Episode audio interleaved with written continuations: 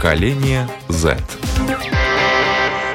Здравствуйте, с вами Марина Талапина, режиссер программы «Поколение Z» Даниэль Йоффе, звукооператор Рейнис Будзе.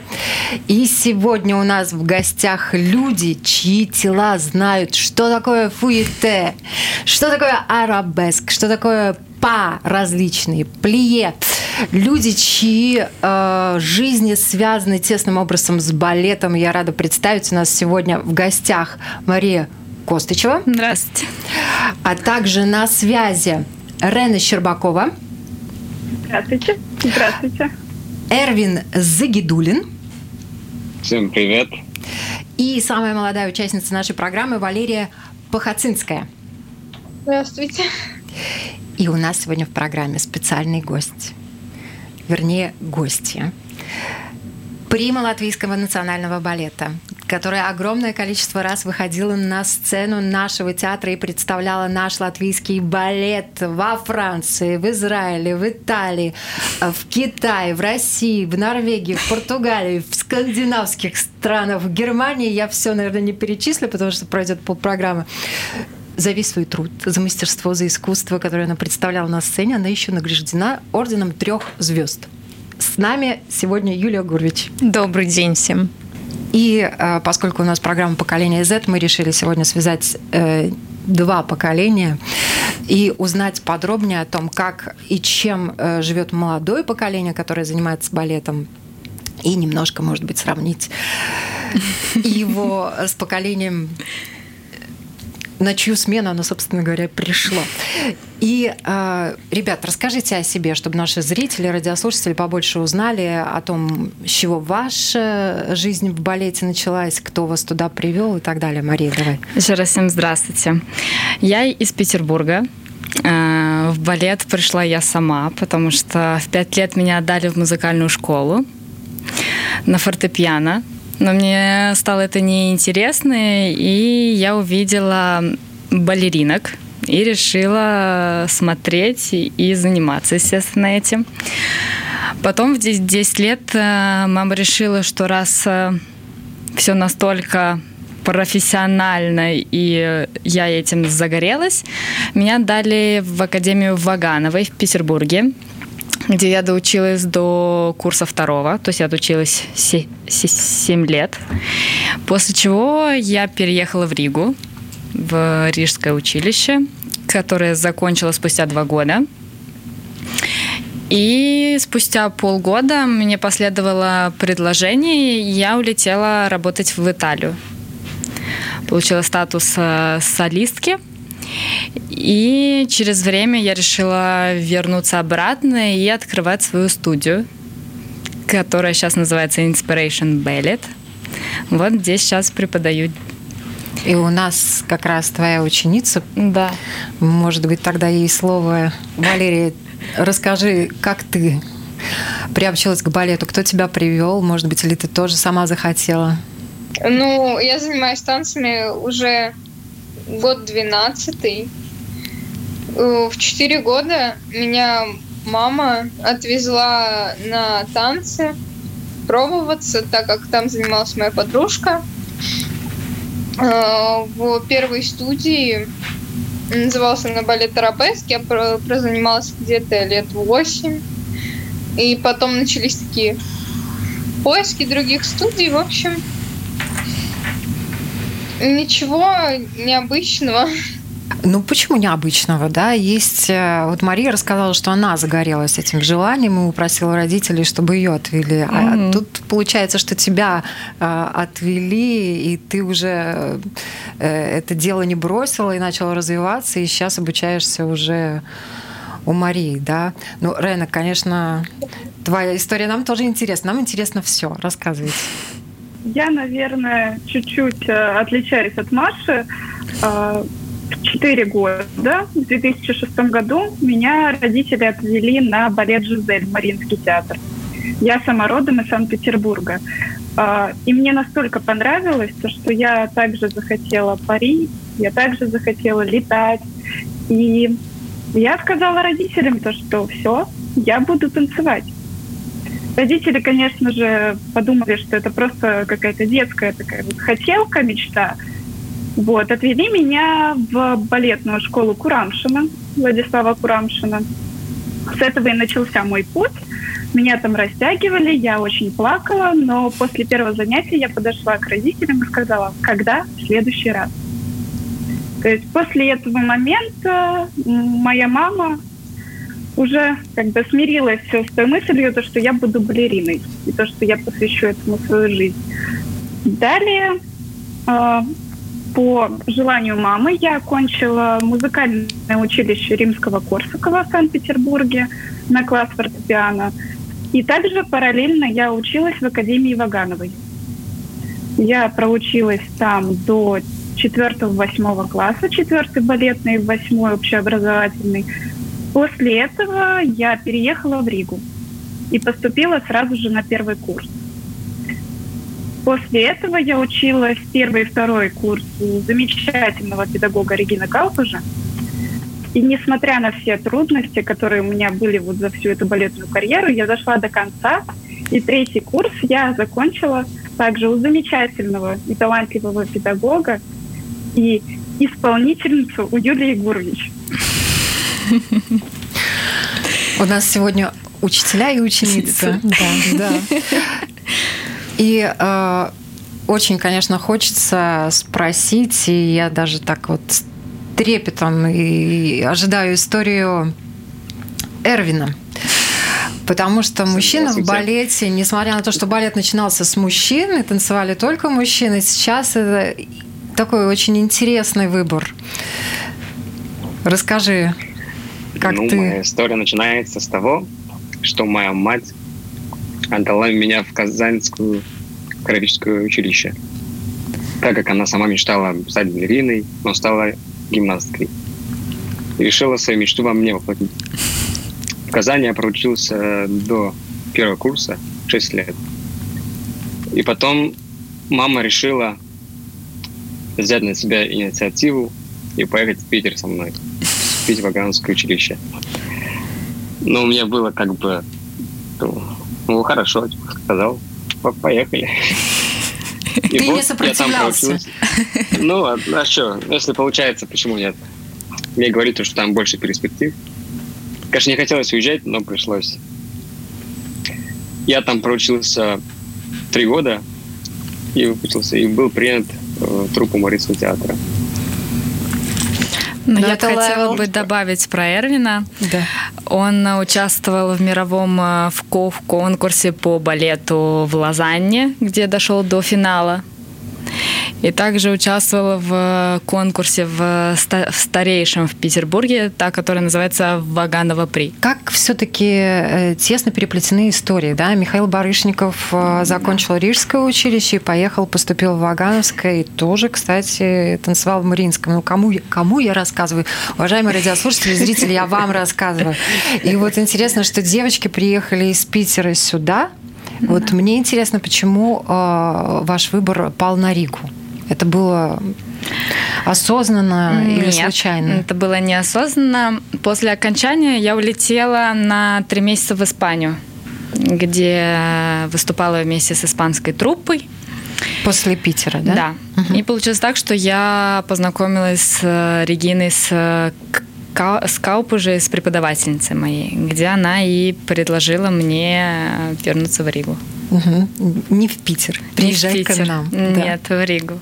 Я просто понимала, что, ну, наверное, на курсе первом, на втором, что я не хотела бы работать в России. Как бы странно это ни звучало, но меня всегда тянуло в Европу. Не знаю почему. Рена, у тебя как сложилась история? А, меня скорее тянули в Ригу скандинавские корни. Вот. Но все-таки вот я тоже была очень приближена к Европе, и мне безумно нравилась Рига. Мне нравилось преподавание, мне нравилась вот эта вот методика, подход к каждому ученику. И, э, конечно же, у меня был трудный в жизни период э, с моей травмой. Мне пришлось уйти, но после восстанови- восстановления э, меня мне посоветовали связаться с Региной Францевной Каупажей. А, и после того, как я сюда приехала, я поступила. Далее я несколько дней гуляла по городу, и вот меня просто Рига заворожила своей красотой. Мне понравилась латви- латвийская национальная опера. И поэтому, ну, я решила остаться здесь. И решила посвятить всю себя как бы Риге и Латвии. Если я не спрошу у Юли, с чего начался ее балет? Меня не простят ни Нет. участники программы, ни зрители. Расскажи, пожалуйста. Ну, мой балет, он начался вообще-то, наверное, не с того, что я так этого захотела. Я об этом вообще, в принципе, ничего не знала на самом деле тогда. Это началось с того, что моя бабушка, э, папина мама, очень хотела, чтобы девочка танцевала, потому что она видела прекрасно, как я танцую, так сказать, под телевизор, под то, что там изображают, фигурное катание, музыка. И вот я там пыталась, когда маленькая еще была, чего-то изображала тоже. Но она решила, что это очень перспективно у меня в будущем связать меня с танцами. Но это произошло не сразу, это немножко позже, потому что до этого у меня был очень там большой путь и в фигурном катании, и прыжками в воду я занималась, все довольно успешно было как-то. И потом э, меня, в общем-то, решили так сказать, привести в наше училище. Ну, предварительно меня э, осмотрела ну, по поводу моих данных, вообще Да, стоит ли всегда. туда идти, это же важные такие фу- фундаментальные вещи. А, Вот. И а, посмотрела знакомая, на тот момент знакомая маминой знакомой, Пальмира Алексеевна э, Зедыня, э, и сказала, ну да, пробуйте, идите.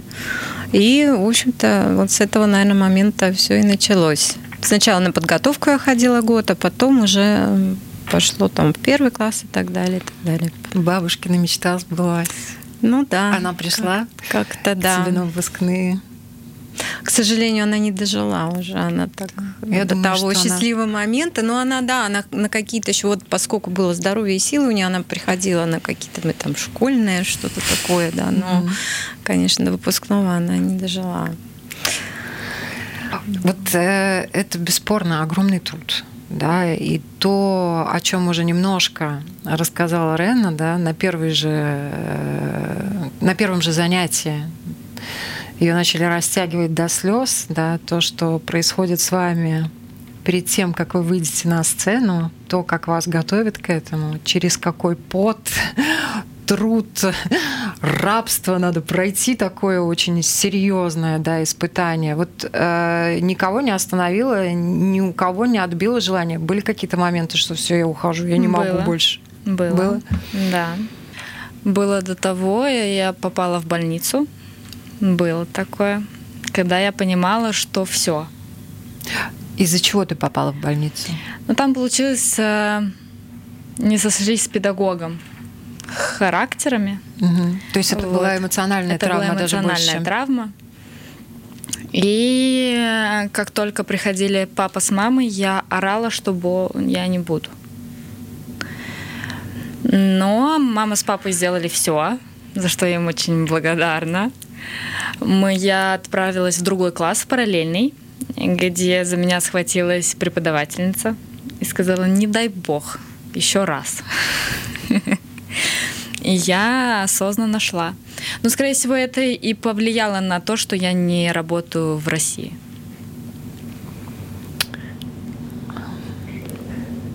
Рена, рассказывай ты. Вот интересно, у маленького ребенка, да, ее довели до слез, растягивая, Это да, и, и не ушла и сказала, когда следующее занятие. Ну, мне кажется, это больше закалки характера. Ну вот, точнее, с возрастом, конечно, это уже закалки. А как бы, ну, маленькая, наверное, просто такая родилась, и вот как-то душевно я была к этому делу очень близка. Но на самом деле у меня никогда не было такого, что я хотела все бросить и уйти.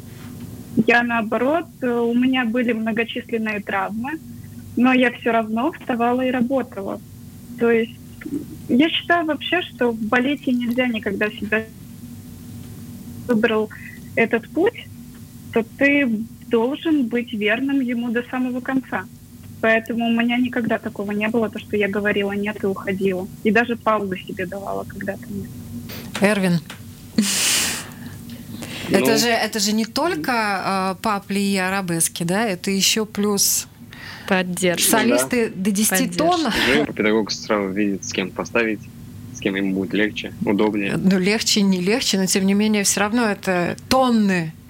Тонны. Не, ну, смотря как поднять. За типа, нужно, спектакль. типа, знать приемы. Типа, а если правильно Ну, поднять, легко. конечно, да, но все равно ваши спины, ваши тела, ваш организм очень нагружен, перегружен и страдает однозначно. Вот, э, тем не менее, не, не остановила. Ну, в седьмом классе, когда я еще был не такой взрослый, я хотел уйти в кадетское училище. Просто мой, мой отец военный. Одну жизнь поменять на другую жизнь, Тоже да? очень хороший выбор, по-моему. Да. Просто у меня сейчас и брат военный, и отец военный. Я такой думал, может уйти, типа, целый год думал, типа, уйти, не уйти, уйти, не уйти. Хочу, надо мне ли это? Он такой, да зачем мне уходить, если у меня получается хорошо? Если я в лучшем классе, зачем мне уходить?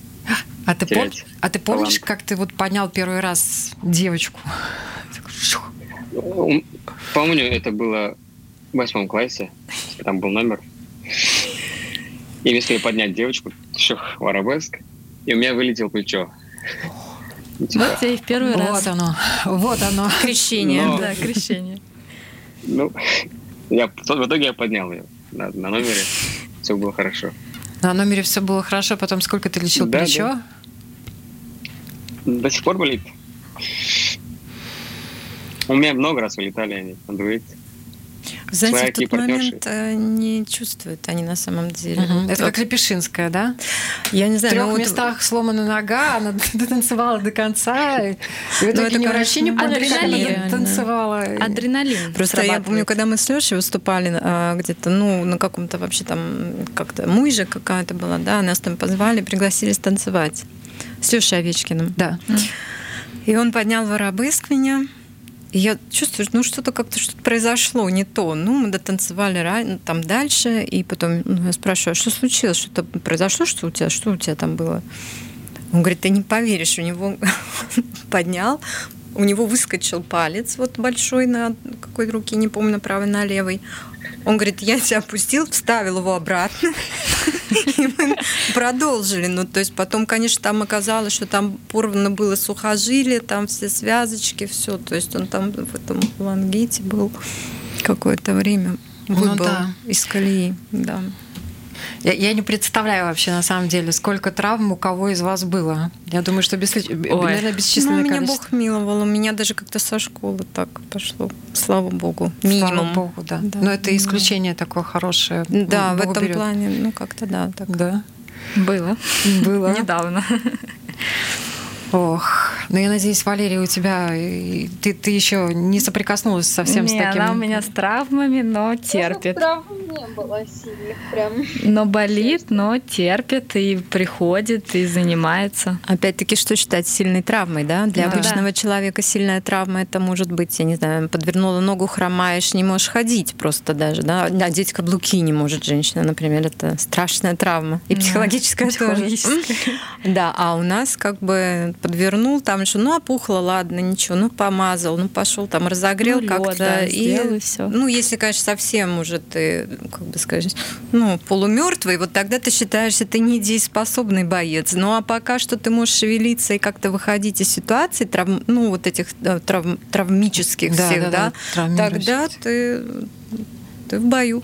С одной стороны, зрители видят вот эту вот красивую сторону, безумно красивую, легкую, нежную, воздушную сторону. И какой труд за этим стоит. И, и спасибо вам огромное за то, что вы это рассказываете, потому что те, кто нас слышит, я думаю, что они больше и больше уважением проникаются к вашему труду и понимают, э, чего это стоит, легкость. Ну, я думаю, на самом деле, Марина, мне кажется, в любой профессии есть вот эти закулисья, которые, ну, оно тяжелая тоже. Ну, может, где-то У меня менее травмирующая в- профессия, скажу вам честно. Ну, может, э, в- где-то в моральном, Да, в психологическом моральном. плане, может быть, есть нюансы тоже, где человеку нужно себя преодолевать. Ну, вот в Мгм. этом плане я имею в виду, да. Но Мария уже рассказала э, немножечко тоже вот эта вот вторая часть, э, вторая сторона балета, потому что балетный мир, он жестокий. Да? Естественно, все стремятся наверх, Да. и этот путь, он может вот тоже психологически быть достаточно жестким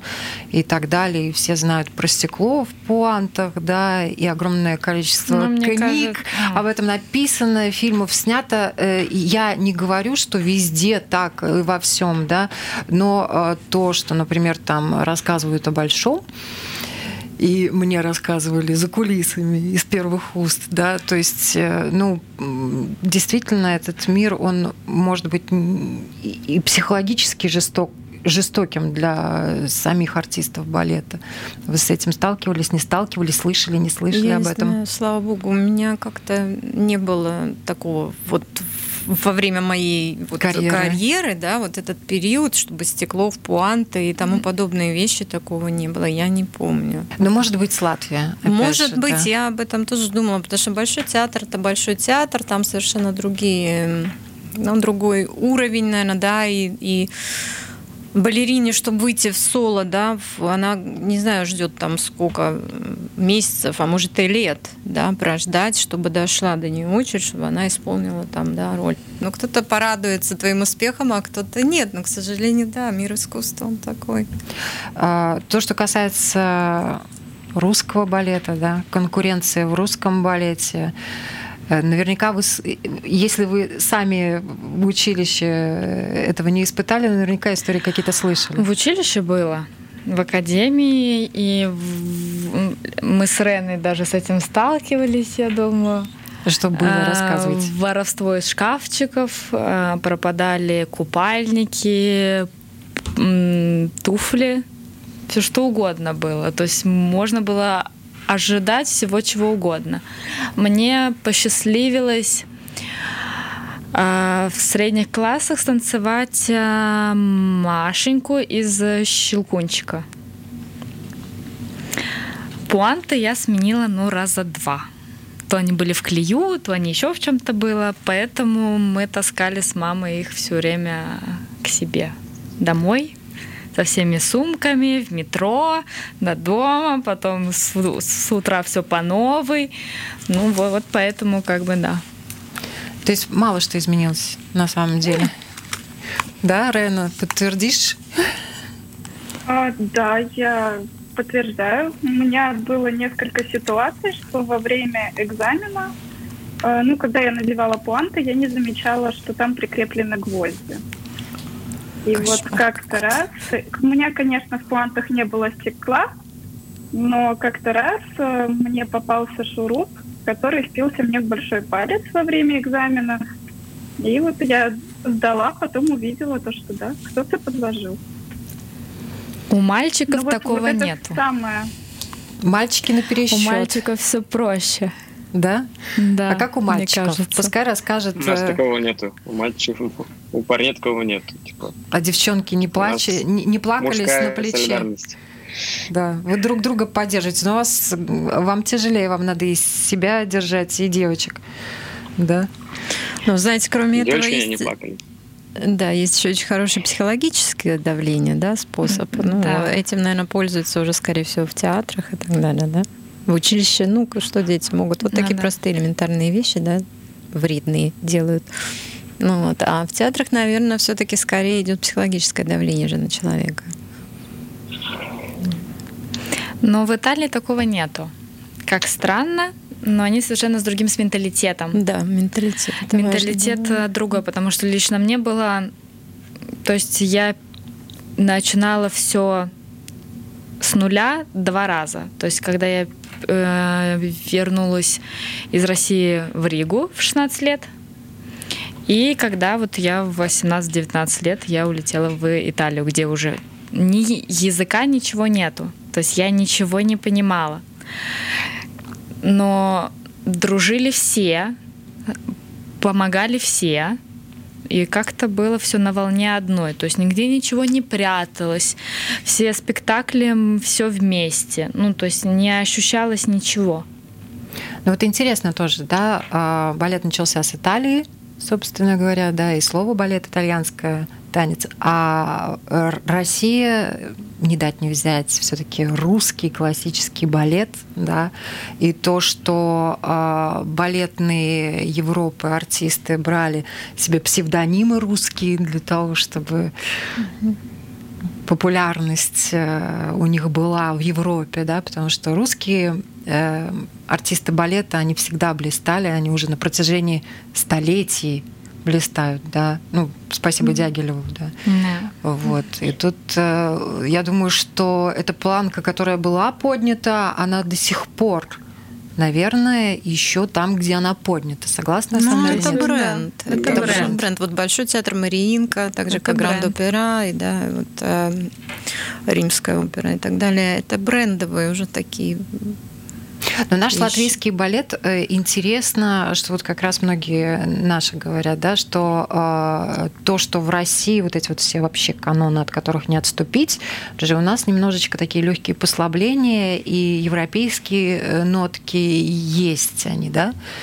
Ну, к сожалению, хотелось бы, конечно, сохранять классику, именно академическую классику, да. Немножко, да, у нас все перенимается больше с эм, ну, Запада и такой более, да, такая свобода, где-то можно уже что-то полегче, где-то облегчить какое-то движение, где-то снять позу, может быть, вообще.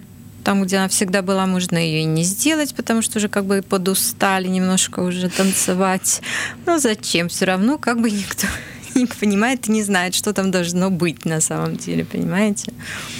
Ну вот, и, конечно, хотелось бы, чтобы как-то вернуться и сохранить вот этот академизм. Мы же были когда-то в свое время в советской э, еще Латвии, да, когда у нас был балет, э, это был театр, латвийский театр э, оперы и балета был, да, назывался. И мы, по-моему, даже чуть ли не третье место по балетным труппам, да, занимали и были очень на хорошем счету. Ну, Барышников, Годунов. Ну, именно сами Лепа. Да, в этом отношении Латвия, конечно, может гордиться. Да. Мне хочется спросить у вас, ребята молодые, современный балет и классик. Вы же воспитаны на классике? Да. Как оно вам? Чего вам хочется, чего вам не хочется? Что хочется оставить и к чему хочется прийти? Хочется оставить всю классику.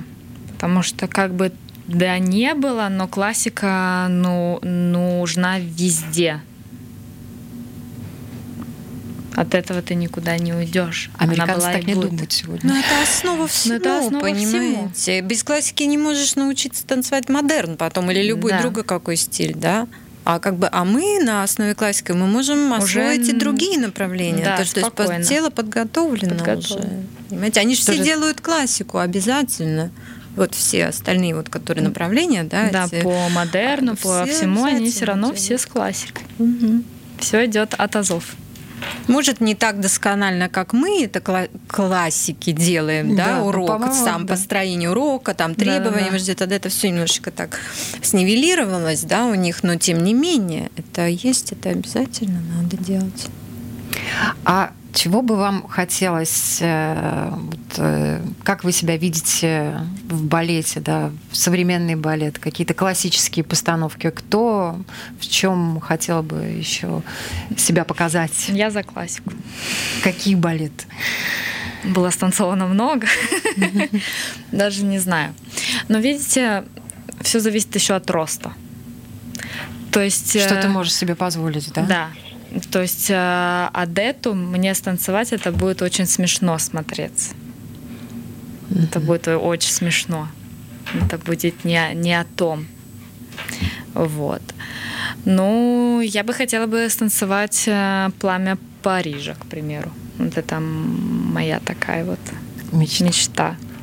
В Италии, потому что ее танцуют, но в сезон она очень мало. Вот. Поэтому я бы хотела бы ее дожать все-таки, дойти до нее. Рена. твои мечты? Ну, я вижу себя в роли хореографа. Все-таки я как-то сейчас уже отхожу от той мысли, то, что я танцор. Я хочу ставить что-то свое. Я хочу как-то продвигать свою идею, эмоции, чувства. Но, безусловно, у меня есть, конечно, не исполнившаяся мечта. Это «Черный лебедь». Всегда хотела станцевать, всегда хотела на сцене. Я уверена, что тебе бы подошло очень. Спасибо. Ну да, вот у меня это есть такая несбывшаяся мечта, а может быть и в будущем когда-нибудь мне удастся. А, но все-таки я считаю то, что вот мое направление это хореограф. Я уже и сейчас, только вот окончив училище, я уже что-то ставлю. И все-таки это, это мое. А я что вот бы ты хотела бы поставить? Да, вот. А, я очень хочу когда-нибудь э, добиться того, чтобы стать главным балетмейстером Латвийской национальной оперы. И ставить mm-hmm. все. А, я хочу ставить а, современные спектакли, то есть а, с модерном, с неоклассикой и так далее, потому что, на мой взгляд, трогать классику, вот академический балет, его видоизменять каким-либо образом, ну просто категорически нельзя, потому Умница. что да, это своя правильно. эпоха, это свой посыл. И поэтому классика должна оставаться классикой. Я считаю то, что вот хореографы, которые хотят преобразовать там, спящую красавицу в неоклассику, ну такого быть ну, не должно, это не будет выглядеть так эстетично, так вот как сказка, как это было сделано ну, на академический лад. Поэтому я все-таки хочу ставить вот в будущем современные спектакли, возможно, с элементами классического балета, но как-то так. Эрвин. Ну, моя заветная мечта — станцевать Спартака Григоровича. Ох, ох, мы все вздохнули, да. Вот. И, ну, а так, Минхот. Ну, обычный, типа, Минхот танцевать. Такое, все, всю классику. Все по стандарту. Когда я пришел в театр, здесь я познакомился с хореографом Владимиром Варнавой. Он, типа, самый лучший для меня, типа, хореограф модерн. Танцевал у него в двух спектаклях. И он научил меня танцевать, чувствовать модерн. Я никогда не танцевал раньше, никогда не танцевал модерн, даже не учил его. Знаете, очень важно и... найти своего. Прости, да, что я тебя перебиваю. Очень важно, да что нет, да, найти вот своего хореографа, особенно вот модель, ну вообще и в классике тоже, и чтобы вот он помог раскрыться. Вот э, именно первое вот такое, как сказать, свидание с, с модерном, чтобы произошло именно вот с, по любви, по, так чтобы все как пазл все сошлось, сошлось да. да. Вот угу. у него, видимо, так произошло, угу. и это прекрасно. Ну, там даже не классика, там типа как чувствуешь, просто делай. Да, да, я и говорю именно, вот. да, да, да, да, не, не классику. Ну, да. поймать надо это, да. да. Потому да. что это может действительно встреча произойти по-разному. Ну, конечно, хочется спросить Валерию, о чем мечтаешь ты, самая юная участница нашей программы? Не сказала бы, что есть какие-то особые желания или что-то такое. Просто хочу развиваться в танцах. Всегда хотела встать на пуанты, на самом деле. Ну... Мы дойдем до этого. Будем пытаться. Пока что, пока что до этого не дошло.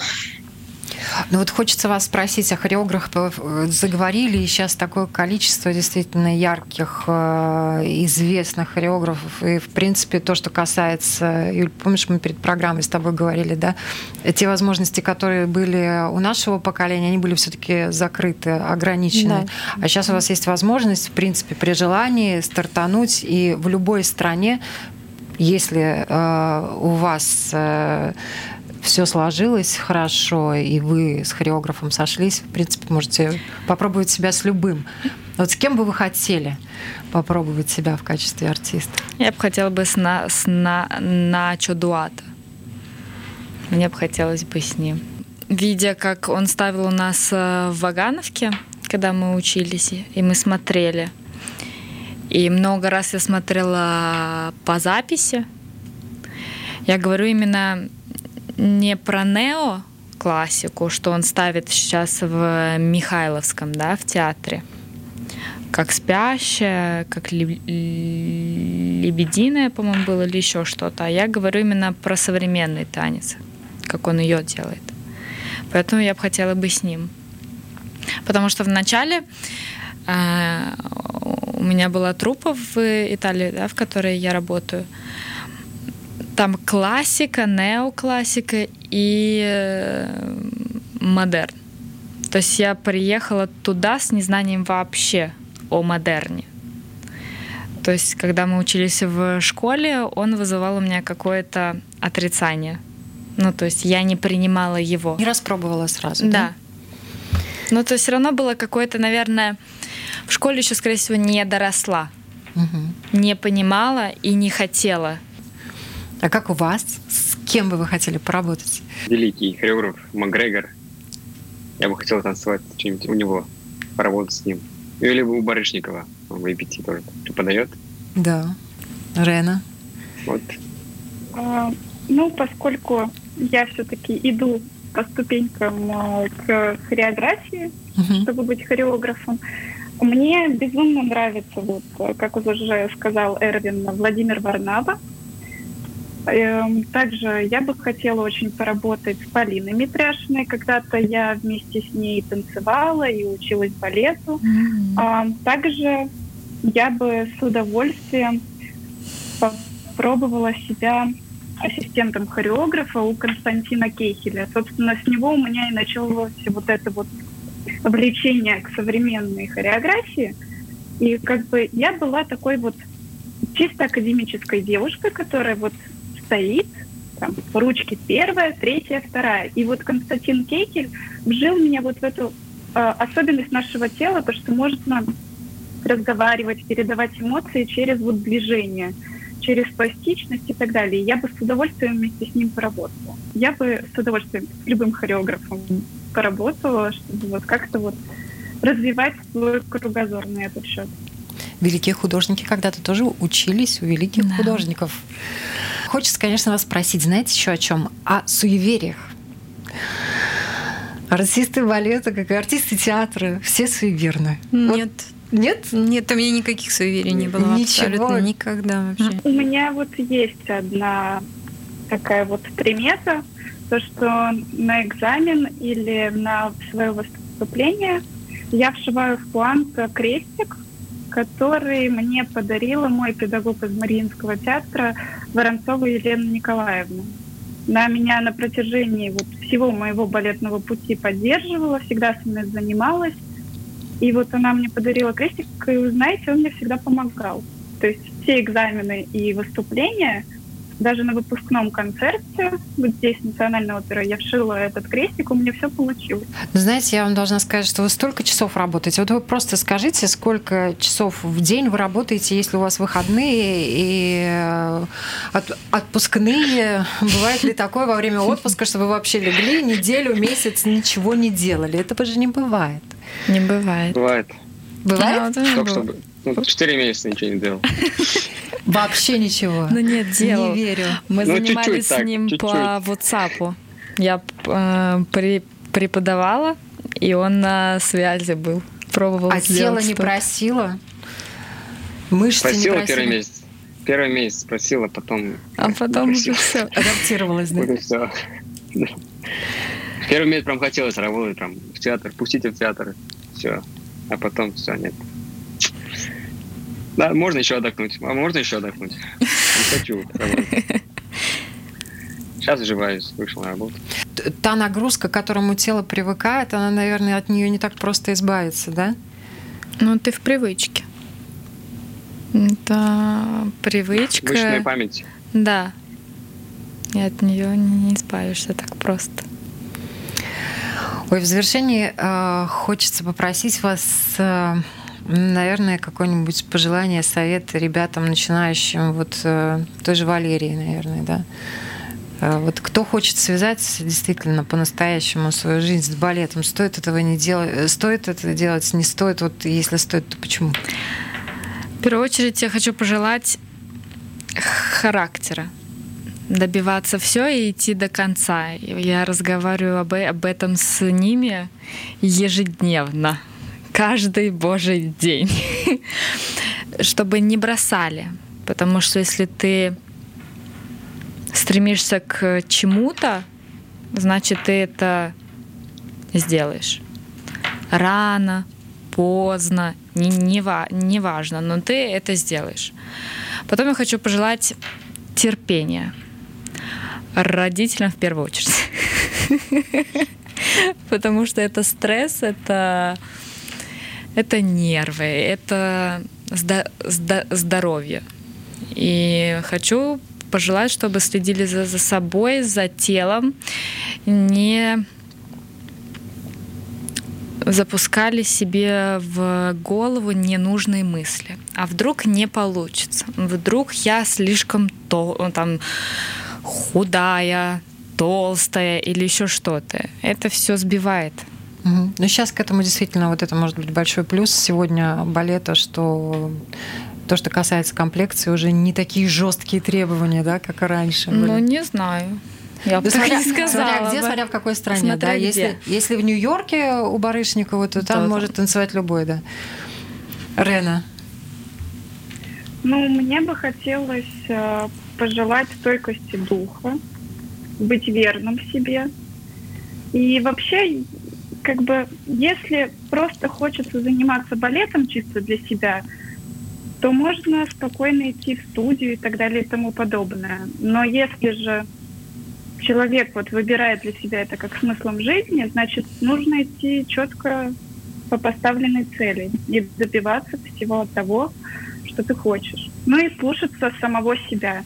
Не обращать внимания, кроме как педагогов, конечно же, не обращать внимания на посторонние какие-то слова, на пререкания и так далее и тому подобное. То есть нужно слушаться себя и своих педагогов. Только тогда человек ну, достигнет своей цели.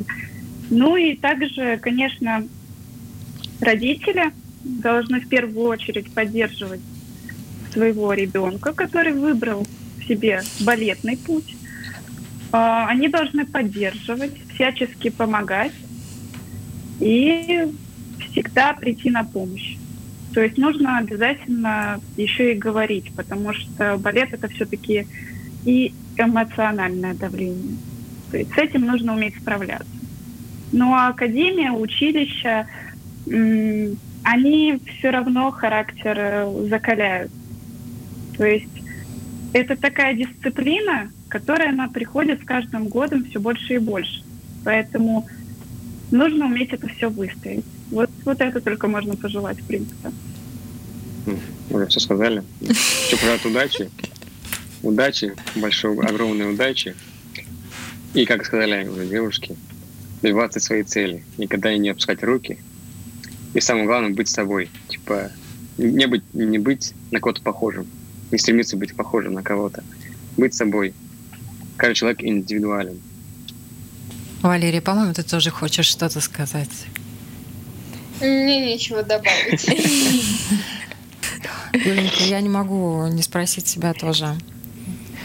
Что ты пожелаешь? Ну, по-моему, для меня вот самое главное, что я хотела бы пожелать себя, это то, чтобы человечек, которого отдали, скажем, в балет, так ну, абстрактно пока что, чтобы он как можно быстрее определился, да, либо он хочет, либо он еще в поиске, пока не уверен, пойдет ли он по этой стезе до конца, а, либо он а, уйдет в какое-то другое направление, или вообще с танцами распрощается, да, и вот чем быстрее он определиться, а, тем больше шансов у него есть добиться да, хорошего результата либо в балете уже непосредственно профессиональном, я имею в виду, либо совершенно уже тогда в другой сфере и не мучить ни себя, никого другого и идти уже где-то учиться чему-то другому, да. Но здесь важно определиться, потому что правильно Рена сказала, да, что если ты хочешь только, ну так, для себя, для души, для тела, для физики какой-то, ну, можно полно ну, студий, в которых можно заниматься. Профессионально ни в одной студии не дадут тебе то, что могут дать в профессиональной ну, школе, училище. да, в училище балетном, да, во всех балетных вот, э, училищах, да. А, вот. Поэтому это важно, когда человек не, не понимает, что для чего вот эти мучения, ради чего он вот это будет все терпеть, боли, травмы, там это не ешь, это раньше лечь спать, это тут надо то сделать, это. Но если он это не понимает, да, если ты ему навязывают, что надо, надо, надо, угу. ты же, мы же тебя же отдали, мы же хотели, чтобы ты же, ну как же теперь уже. Да. Ну, это Это ничего тернии, которые к звездам не приводят. Абсолютно, да? Абсолютно. Нет, да. А вот если когда вот он уже осознанно к этому идет, это другое. Так вот я желаю всем пораньше осознать, что на самом деле им хочется и куда им идти. Спасибо вам огромное за эту программу. Я напоминаю, у нас сегодня в гостях Мария Костычева. Спасибо. С нами на связи Рена Щербакова, Эрвин Спасибо. Загидулин, Валерия Пахацинская. И у нас сегодня специальный гость, которого лично я очень рада видеть и слышать, Юлия Гурович. Взаимно. Да. И Спасибо. всем, уважаемые Спасибо. радиослушатели и зрители, пожалуйста, если вы пришли в балет, искупайте артистов в овациях, подарите им цветы. Это огромный труд, это легкость, это танец, эти эмоции, которые нам дарят э, эти люди своими телами, своими своим мастерством. И цветы овации — это самое малое, что мы можем для вас сделать. Спасибо. А, спасибо. спасибо большое. Спасибо. Спасибо большое. Спасибо. Спасибо огромное.